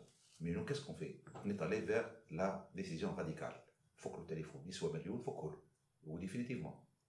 J'ai tout le gazarne à Troisième chose, parce que je vais en réunion. Moi, je ne pas le téléphone. Même nous savons, le téléphone est interdit, carrément. Maintenant, je trouve ça dans l'Union. Allège, nous savons, même s'il est fermé, des applications, Lyon, mais je mets Ok Thani femme a un travail de familiarisation. Pour la bête, des manachriettes, des notes de service, des trucs, pour avertir tout le monde. Non seulement des mesures actives et des mesures passives. Pour l'État, au déchiré, pour l'État, ça, euh, ce sont des composantes, des, je sais de quoi je parle. يعني الأمن الأمن الوطني قد يرجع جات فترة فقدنا فيها منظومتنا الاستعلاماتيه الكل مع فضل سي حامل همامي وامثاله اللي طلعونا بحكاية البوليس السياسي الوغ كو سا نا جامي ايتي بوليس سياسي. اون كومبوزون تاعنا خلانا عامين الداخلية تاعنا عامية ما تشوفش. دو زاني دو سويت اللي كسروا المنظومة اللي كانت موجودة واللي كانت مأمنة تونس. قال شنو؟ قال اي صحيح تبعوا ساعه دو طون طون مي سيتي با اون ريزون سوفيزونت باش تجي تكسر المنظومه كاملة اليوم رجعت الحمد لله. رجعت نجم نقول لك رجعت بما يؤمن تونس لان راهو سون سا نو سوم معناها فريمون menacés de tout part. Un pays démocratique dans une zone de turbulence où vous êtes entouré de dictature, alors il n'y a pas plus mauvais que ça. Surtout que d'autres, d'autres puissances ne veulent pas de la réussite de la Tunisie. Voilà. Alors. Euh, une question. شكون صادق دروا ماستر ام 2 en دروا أنتم حكيتوا على ما تنجموا تدخلوا الا ما يكون فما ما يجتمع الكونسي سوبريم دي زارمي باش تاخذوا ديسيزيون باش تتدخلوا اللي صار في, في الانتخابات وقت اللي يخرج وزير الدفاع ويقول انه كنت باش نخرج جزء من البيت باش باش نعمل مجلس نواب معناتها اسكو معناتها وقتها فما انقلاب تحضر في البلاد وقت السؤال قلت انت كيفاش العمية باش تخرج دبابات وتمشي مجلس النواب مجلس النواب قلت لك نرجع للفصل 18 إيش يقول؟ ضد أي تهديد داخلي أو خارجي للدولة. وقت اللي عندك أنت دي كومبوزون دو ليتا قاعدة تأمر باش تطيح الدولة. اي نون با لو دروا اي نون با دروا مش باش يجيو نقولوا لا ناخذ حكم. باش نقول ما تدخلش. وي افي ريزون سيتي اون ديسيزيون دو سياسه وصحيحه لأن وقت أنت باش تدخل هذيك باش تعمل انقلاب. وتغير لي المسار. إحنا حفاظ المسار الديمقراطي في تونس. وقت تجي انت باش تعمل حاجة تكسر بها هذا كل كسوا شكون هو؟ اون وزير حضر في السياسة قال الكلام اللي هو تقال. واللي هو رجعنا للأصل. اللي هو نوتر ميسيون شنو مهمتنا؟ واحد. راهو امبيشي كو لا تونيزي توم امبيشي كو شنو كو ديتا يعجبكش يا تونس واضح. الدستور واضح. باش تطبق حاجة غير الدستور ما يخليكش. الدستور تاعنا عندنا ان اكزيكوتيف ادو فاس وعندنا يعني سلطة أساسية اللي هي البرلمان. ما عندكش حق تحطهم بعضهم. ما هو ماشي. إذا كان فو ميلونجي ان اي دو تهربنا. نقول لك باللغة باللغة الفلاقي. فو نافي با دروا وقت باش هذا ولا هذا ما تجيش. إحنا عندنا ثلاثة صورات واضحين. عندنا رئاسه الجمهورية عندنا رئاسة الحكومة وعندنا البرلمان. السادة الناس راهو الدور في وسط المجلس دي ديبوتي يقولوا خلينا نعمل كوميتا نتاع دي ديبوتي طب اللي هي خرق الدستور. اون كونستات الشغل على الوقت نخليو تعديو تعديو السؤال تعرف على شغل ياسر انقلاب انقلاب اسكو وزير الدفاع عنده البوفوار وحده إنه ياخذ ديسيزيون دو سونس بروتيجي البي والا لا. الوقت اللي الارمي تخرج. أنا وقت اللي الارمي بوغ الي كولماتير ثم فراغ ما ثماش رئيس دوله يعطيك أمر. رئيس الدولة مريض مثلا شكون باش ياخذ دونك تولي نرجعوا للقانون. والقانون سي السياسة واضح ما حتى كلام هذه يعني فما ايدونتيتي وقت فما مع كيما صار ما عطاش يا أخي الرئيس مشى. شنو؟ نقعدوا نستناو في راس جديد. لا واضح. نقطة. اون سو ريفير اونيكمون ا لا لوا هذاك الفيصل بيني وبينك. إحنا متأكدين إحنا نطبقوا القانون. واضح. فهمتني؟ السؤال عندنا زوز اسئله تو اون لو تون بور دو كيسيون تفضل هيثم Non, on a le temps pour toutes les questions. qu'on vous pose. تفضل هيثم جو مدير اوكي شو معنى اسلام التوفيق شكرا على الداخله نتاعك الكيستيون تاعي باش يكون بيغمون ايكونوميك سي كو لو رول de l'armée tunisienne dans la création de la richesse nationale. À quel point participe علاش ما نلقاوش l'armée tunisienne dans le secteur نتاع الصحة santé tout tout ce qui touche l'économie tunisienne. يعطيك الصحة. Merci. باهي يعطيك الصحة دونك كيستيون تاعو قال لو رول ايكونوميك دو لارمي normalement, logiquement, je crois que normalement, normalement, ne doit pas avoir ça. Normalement, normalement. Vous savez, le, le, le mauvais exemple, c'est l'armée égyptienne qui a 30% de l'économie. La mission de l'armée, ce n'est pas ça. Mais malgré ça, malgré هذا نحب نعمك اللي راهو باقي je m'excuse du terme mais il y a une grande méconnaissance de l'armée. اولا لازم تعرف l'armée tunisienne تعمل في قوافل صحيه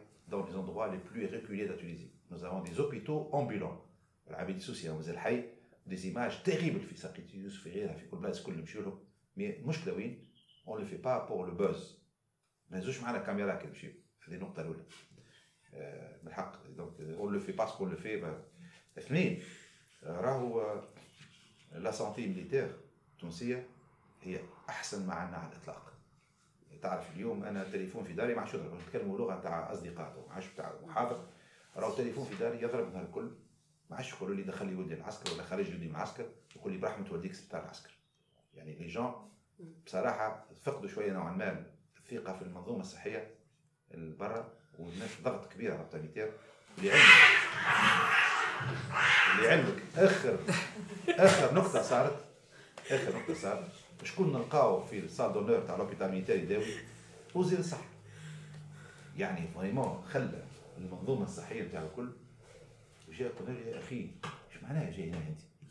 تو انت لا لا مش الباجي وزير الصحه جاي يداوي ستار العسكر معناها صار ما عندكش ثقه في منظومه اللي تحكم فيها مش طبيعي هذا ماهوش طبيعي ماهوش طبيعي يصير حمامي هذا نهضه نلقاوه جاي مش, مش معقول يعني حتى اللي يخزر يقول شو الحكاية دونك باش تفهموا المنظومه الصحيه في البتاميتير بو موا ذوك احسن ابطال موجودين في تونس على خاطر سي دي ميدسان كي فوف يعني افوار يعني دي رونتري دارجون تيريبل عندنا كيما الجنرال ادريس اللي هو ان دي ميور يعني نورولوج دا تونيزي يعمل في اربع خمس عمليات في النهار اللي هو معناتها عمليات راهو باش يحل طاس مخ ويرجع فهمتني ايمينا ولا العميد السوسي يعمل في 10 عمليات في النهار وسي دي جون دون اكسبيريونس تيريبل وراضيين بك زوز فرنك زوز ملايين يخفيهم معناها من من وزاره الدفاع الوطني سي دي بينيفول صدقني أنا لا يبو راهو كيتي اتو مومون فان بوتونسيال ولكن لكن أبطال على خاطر ما يخموش في فلوس ما يخموش. وهذاك علاش وصل لمستوى علمي مرموق على خاطر موجودين في الموضوع نتاعنا شوفوا الضغط على قسم سيزيام إيتاج على قسم القلب. رهيب. رهيب. لدرجه إحنا تغششنا العسكريين. ما عادش لاقيين بلايص ساعات. حتى مون بابا ريفوزي ان مالاد لاكسيا ما نجموش نعمل بنقدر عليه حل للترميتار بور لي سيفيل لكن زاد أنا عندي عسكريين عندي عسكريين ما عندوش يمشي دونك فهمتني دونك فهمتني انت فيه كيف كيف يعني اكسترا اوردينير عنده تعرف لا بريسيون موجوده في الجيش ils ان بولو اينورم عملت اينورم اينورم اينورم عندنا تو آخر سؤال. دونك شكون وقت النور عندك سؤال؟ حقيقة مش سؤال مروة Donc, bon, ça. Mais c'est vrai. Déjà, merci pour tout. C'était très intéressant. J'ai énormément de questions. C'est un truc qu'on ne connaît pas. Et c'est sans tabou. Donc là, je, je m'adresse en tant que professeur de sciences politiques pour la première question. Euh, quand vous avez parlé de l'État-nation et donc des prérequis pour l'atteindre, vous avez pris l'exemple sud-coréen, mais qu'est-ce qui vous fait dire que ça peut marcher en Tunisie, par exemple? C'est pas parce que ça a marché dans un pays, ou dans, même dans beaucoup de pays, que ça peut marcher chez Tunis. Euh, donc, deuxièmement, concernant les 135 000 jeunes euh, qui n'ont pas fait leur service militaire, est-ce que c'est un choix volontaire? Vous n'avez pas la capacité de les accueillir Ou Tout ne voulez pas les convoquer. C'est tellement important ce que vous dites. D'accord. Pour un scientifique, donc, les mêmes causes donnent les mêmes effets Si vous faites logiquement ce qui, ce qui se doit faire, il y a le travail de fond. وحنا عندنا ليزومبل قلت لك في تونس عطيت اكزومبل قلت لك في تونس عملنا اصعب من كل en 1900 il faut voir il faut revenir à l'histoire pour voir dans quel état nous étions en 56 l'état le niveau intellectuel du peuple tunisien وقتها وكيفاش جاء بالجرأة il a, il, a, il, a, il a bien sûr exploité sa, son image, sa stature, pour faire passer.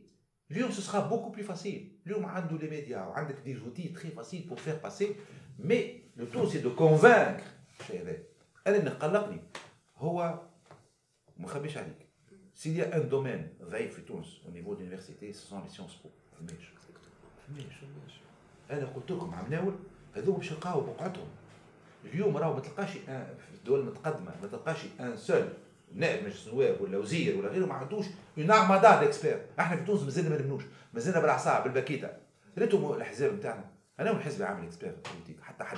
الكلهم. لي ميم تيت هم اللي يحكموا. راهم يعني يتكلموا عن الديمقراطية. على هما في في مخاخهم معناها سون دي ديكتاتور حما حما حما حما يبدل بلاصتو جسمه نجيب الشاب يبدل بلاصتو شكون؟ اي سون توس توجور لي ميم برا حرك أنت تو عبد تو شو هو يتكلم عن الديمقراطية وفساد. جرب قول له خلي البقعة. نجرب نعملوا علاش؟ على خاطر ريسي سكيزوفريني. على خاطر راهي ماهوش كلام. لو بوبوليزم ساهل لا ديموكراسي سو سون دي براتيك وقت لا حزب يجي فهمتني يعمل يعني بالحق معناها على الانتيريور مؤسسة ديمقراطية تفهموا أما اليوم المونكمون بتاعكم انتوما بروني فوتر بلاس سمعت في سيونس بو فكوا بقايعكم أي لا فوا هوت خذوا البلايص في التلفزة. ما تخليوش بقعه للرداء شكون هما اللي قاعدين يتعداو؟ شكون هما؟ إلى سوفي كان بروفيسور متوسط تعدى في التلفزه يتكلم على الكونستيتيوم ولا رئيس دوله جي ريان كونتر لي يعطيه صح مي بور فو دير وقت باش يجي انسان يتكلم بالعلم راهو يقع راسه اليوم اللي قاعدين يتعداو شوف فيهم في التلفزه راهو الرداء وسو سون دي جون ابعد ما يكونوا على زيكسبير بوليتيك اكسبير بوليتيك يتكلم كيما تكلمت أنا من غير بارتي بري من غير لون لون من غير حتى شيء بقول اخويا ها وش يلزم ها من نهار تو التلفز تكلموا عام 2011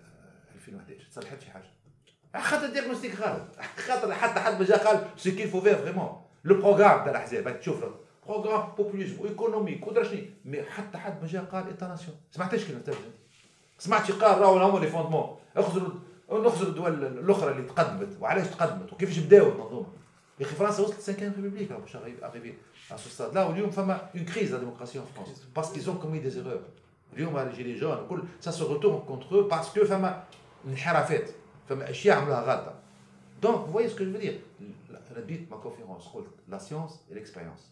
La science et l'expérience. هذا هو deuxième question ما عندناش يعدوا نعطيك رقم مفزع اللي كنت مؤسف جدا جدا جدا. في عهد زين وصلنا 24000 entre 18 et 24000 جون قاعد يعاد بالرافل من غير رافل. من غير رافل. 24000 رافل 18000 رافل.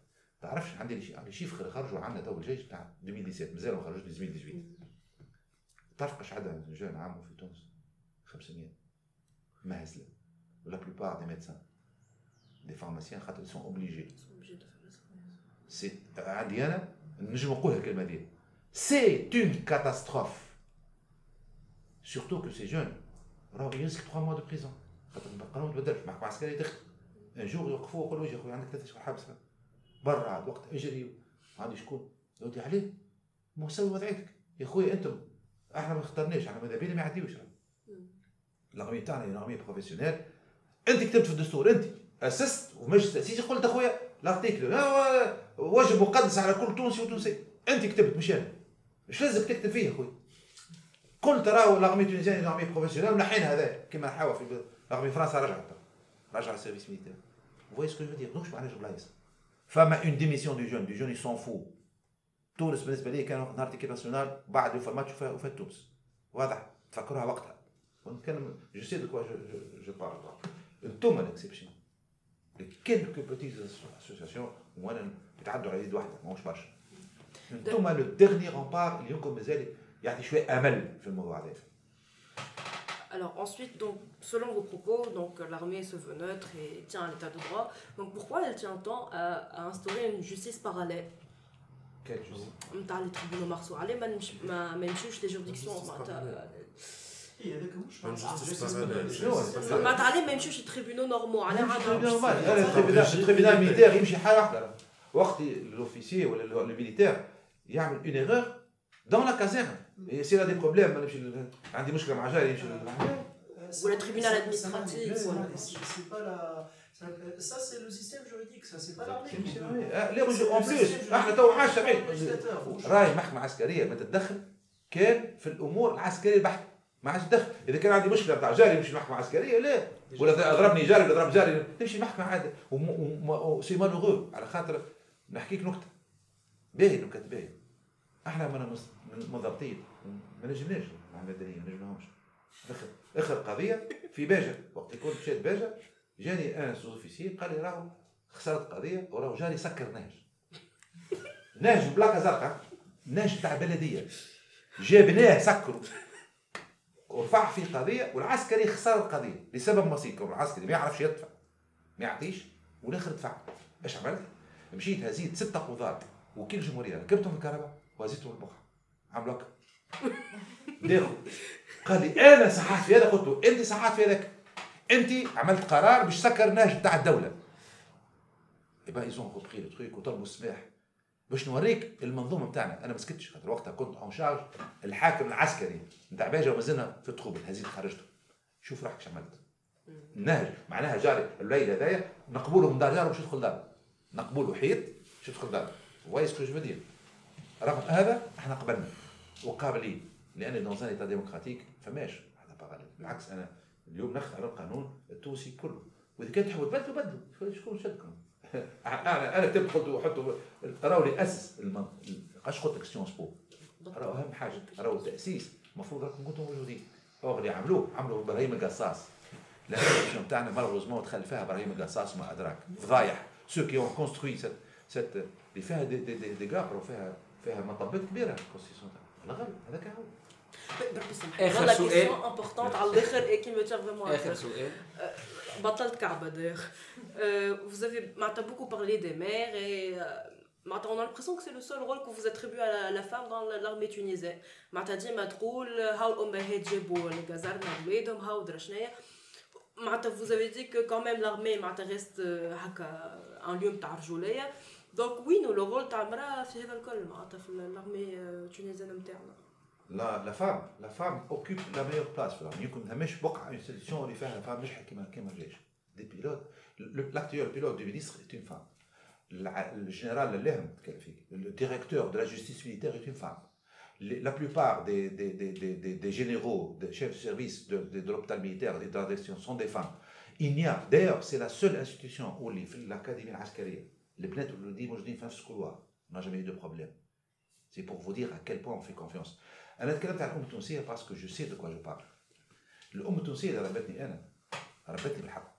اليوم فما فينومين جديد مش انا مش نعمل فما سوسيولوج دوف ترافايي سور سو تروك لا ان فينومين تاع حنان مفرطه قاعد يدقدق في البلاد نعطيك اكزومبل كونكري في عائلتي ما نتكلمش على الناس الاخرى 22 زور بغل حاجاك بغل خاطر بدم هكايا داخل خارج للقهوه وهي تقول تبارك الله على ولدي هي تخدم في المعمل شريت له آيفون من ونص بالتقسيط وهي ترعش. شوف اقف قدام المكتب الابتدائي وتفهم اسكو لي مامون قبل كانوا يعملوا كيما كا تمشي تكشف على المعلم خاطر كشرها صغيرها. أنا نتذكر أمي قالت باش تحسني بالجلد تقول ربي معايا. لا فما دي فينومين كي سون اون تران دو نوير لا سوسيتي ولازم نقول لهم كيما هما. إحنا رانا اون في لو كونستا في الجيش لو كونستا الام التونسيه قاعد تعمل في حاجات نفاست قلت لك جابت وزطت الكازرنا مش لاحق سي تري غراف يعني شوف فين قاعدين يعملوا هك منين جاي الفينومين هذا تعطيه باش يحرق كثرش من هك 6 ملايين تدين وبعد جيبوا لي ولدي هاو كلها الحوت لا فما Je ne vais pas terminer sur une, une note euh, négative. Anna, je suis fermement, fermement, fermement convaincu que c'est vous la solution. À condition. Il faut oser être plus agressif ou تفك بوقتك. شوف médecin ما شاء الله ولا il faut يعني مش نبقى نتفرج لا. اغريسيف نمشي فوق الميديا يعني نطلع ونشوف شكون كيفي نمشيو بعضنا هذا هو. بارك الله فيك. شكرا ميرسي. بقية الأسئلة اون اوف من بعد